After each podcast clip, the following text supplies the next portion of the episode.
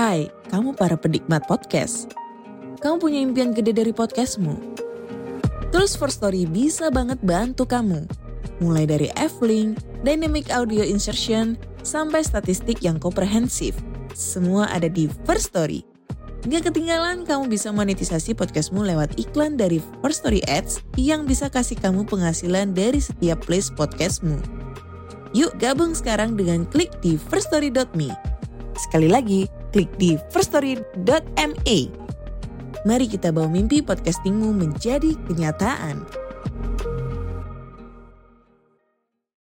Apakah kamu pernah kepikiran apa yang terjadi bila saya memutuskan untuk resign dan mencoba karir yang baru?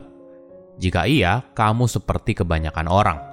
Pada tahun 2021, hampir 50 juta orang Amerika Serikat mengundurkan diri atau mengubah haluan karir.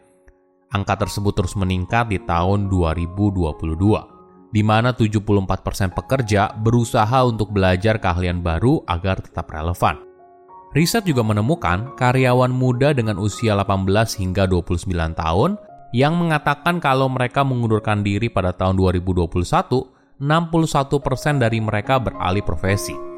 Angka ini lebih besar dibandingkan grup usia yang lebih tua. Namun, mengubah haluan karir memang tidak mudah banyak pertimbangan matang yang harus dilakukan. Yang jarang orang sadari, ketika berpindah haluan, kita bisa saja memulai lagi dari bawah, entah dengan gaji yang lebih rendah atau dengan jabatan yang lebih rendah. Atau bahkan kita bisa memulainya tanpa bayaran sama sekali jika kamu menjadi wirausaha. Lompatan besar ini memang terlihat menakutkan, tapi bagi sebagian orang, mereka merasa perlu melakukan lompatan ini karena ini merupakan sesuatu yang mereka cari dalam hidup. Halo semuanya, nama saya Michael. Selamat datang di channel saya, Sikutu Buku. Kali ini saya akan bahas apa sih yang harus diperhatikan sebelum pindah karir. Ini merupakan rangkuman dari video TED Talk Chi Huang yang berjudul How to Know If It's Time to Change Careers dan diolah dari berbagai sumber. Setiap orang punya jalan karir yang berbeda. Ada yang dari kecil sudah tahu apa yang dia mau. Misalnya, ada yang sudah tahu kalau ketika dewasa dia ingin jadi dokter, polisi, dan sebagainya. Namun ada juga orang yang tidak tahu mau kuliah apa atau kerja apa. Ketika lulus kuliah pun ada juga yang pindah-pindah profesi. Ada yang sebentar jadi sales, lalu pindah ke marketing, eh tapi ternyata cocoknya di bagian keuangan. Tidak ada yang salah dan tidak ada yang benar. Hidup sebenarnya adalah soal mencari pertemuan antara apa yang kamu sukai dan apa yang kamu kuasai. Kedengarannya sederhana, tapi banyak orang justru menghabiskan sumur hidupnya untuk mencari pertemuan ini. Nah, buat kamu yang ingin pindah karir, mungkin hal yang paling penting adalah pastikan dulu kalau ini bukan pilihan yang emosional. Jangan sampai hanya gara-gara kamu nggak cocok sama atasan kamu, atau kamu nggak suka sama rekan satu tim, ini jadi alasan kamu untuk pindah karir. Pengorbanan kamu untuk pindah karir jauh lebih besar daripada itu. Di sisi lain, setiap pekerjaan pasti ada enak dan gak enaknya, apa pun itu. Jadi, jangan jadikan pindah karir sebagai solusi untuk menghindar dari hal yang gak enak. Karena bisa aja ketika kamu pindah karir, eh kamu malah ketemu lagi hal yang buat kamu gak suka. Bayangkan skenario ini. Jika dilihat dari luar, karir kamu mungkin terlihat cemerlang. Masih muda, tapi jabatan sudah senior manager di perusahaan multinasional. Sudah punya rumah, jalan-jalan ke luar negeri setiap tahun, dan sebagainya. Tapi sayangnya, di dalam diri kamu ada ketidakpuasan. Kamu tidak menyukai apa yang kamu kerjakan. Kamu merasa potensimu belum maksimal. Namun di sisi lain, kamu juga nggak tahu apa yang kamu mau. Tahun demi tahun berlalu, ada yang mengganjal di hati, tapi tanpa ada perubahan yang kamu lakukan. Apakah kamu pernah ada di posisi ini? Hidup sebagai orang dewasa memang tidak mudah. Di satu sisi, kita punya pilihan, tapi di sisi lain, kita mungkin tidak tahu apa yang harus dipilih. Gak heran, banyak orang merasa stuck dalam pekerjaannya, tapi tidak ada usaha untuk keluar. Mungkin saya rasa saran buat kamu dalam posisi ini adalah mulai aja dulu. Apa pun yang membuat kamu tertarik, coba aja lakuin. Tidak perlu secara drastis keluar dari pekerjaan kamu sekarang, tapi gunakan waktu luang yang kamu punya untuk melakukan hal ini. Misalnya kamu suka memasak. Bukan artinya kamu harus keluar dari tempat kerja sekarang, lalu sekolah memasak, melamar jadi koki, atau buka restoran. Bagaimana bila kamu coba masak setiap akhir pekan? Atau ambil kursus masak setelah pulang kerja? Mungkin dengan menjalani apa yang kamu sukai, kamu jadi punya kejelasan apakah kamu bisa mengubah hobi ini menjadi karir atau cukup jadi hobi saja. Sebelum memutuskan untuk pindah karir yang signifikan, mungkin ada dua hal yang bisa jadi pertimbangan. Pertama, kerja profesional adalah soal belajar. Jika kamu tidak ada ketertarikan untuk belajar di bidang yang kamu tekuni, maka ini merupakan red flag besar dan mungkin saja industri ini tidak cocok buat kamu di masa depan.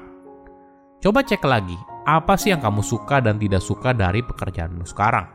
Apa pengembangan diri yang kamu harapkan? Apa yang kurang dari pekerjaan sekarang? Dan bagaimana pekerjaan baru bisa mengisi hal ini? Memahami apa yang mendorong kamu untuk pindah haluan akan mengarahkan kamu ke jalan yang benar. Bisa saja yang kamu butuhkan sebenarnya bukan pindah haluan karir, tapi kamu hanya butuh pindah perusahaan. Toh sebenarnya kamu suka dengan pekerjaannya, tapi nggak suka dengan lingkungannya. Namun kamu tidak sadar kalau hal ini membuat kamu jadi bias dalam mengambil sebuah keputusan. Kedua, perubahan karir kadang soal perasaan. Jika kamu sering kali tidak bisa tidur di malam hari, lalu kamu melihat langit-langit sambil berpikir kalau hidup kamu tidak lengkap apabila kamu belum mencoba karir yang ingin kamu tekuni, mungkin saja ini merupakan tanda untuk mengubah karir. Namun perlu dipahami, jangan gunakan rasa sakit jangka pendek sebagai tolak ukur. Misalnya, kamu tidak suka dengan bos kamu sekarang atau rekan kerjamu ngeselin. Ini bukan alasan yang baik untuk pindah karir. Karena ketika kamu pindah haluan karir, mungkin saja kamu memulai dari bawah. Dan mungkin saja kamu banyak merasakan penderitaan jangka pendek, entah gaji yang lebih kecil, jabatan turun, dan sebagainya. Setiap pekerjaan punya sisi pahitnya sendiri. Nah, ketika kamu sudah mantap untuk pindah haluan, maka hal pertama yang harus segera kamu lakukan adalah bangun jaringan, entah dengan mentor atau support system yang baik. Di era sekarang, kamu tidak hanya bisa menjangkau orang yang kamu kenal, kamu mungkin saja bisa menjangkau mereka yang tidak kamu kenal. Kamu hanya butuh rasa penasaran dan passion. Misalnya, kamu ingin belajar soal programming. Kamu bisa saja mengirim pesan via LinkedIn kepada programmer yang kamu idolakan, lalu kirim pesan, Halo, saya sedang berpikir untuk pindah karir jadi programmer, dan saya tertarik sekali dengan apa yang Anda posting. Apakah Anda bersedia untuk bicara dengan saya via telepon selama 5 menit? Selain membangun jaringan, jangan lupa perhatikan keuanganmu. Realitanya, ketika kamu pindah haluan karir, kemungkinan besar kamu mulai lagi dari bawah. Bahkan mungkin saja tidak dibayar sama sekali apabila kamu jadi wirausaha.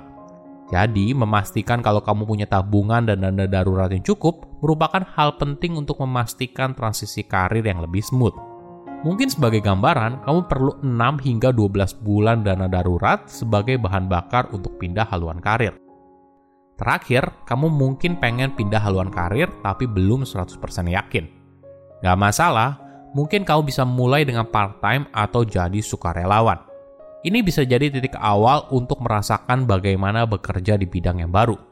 Jadi pada akhirnya kamu bisa memutuskan, kamu beneran suka nggak sih dengan hal baru ini atau cuma penasaran doang. Silahkan komen di kolom komentar pelajaran apa yang kalian dapat ketika tahu informasi ini. Selain itu, komen juga tahu informasi apa lagi yang saya review di video berikutnya. Saya undur diri, jangan lupa subscribe channel YouTube Sikutu Buku. Bye bye.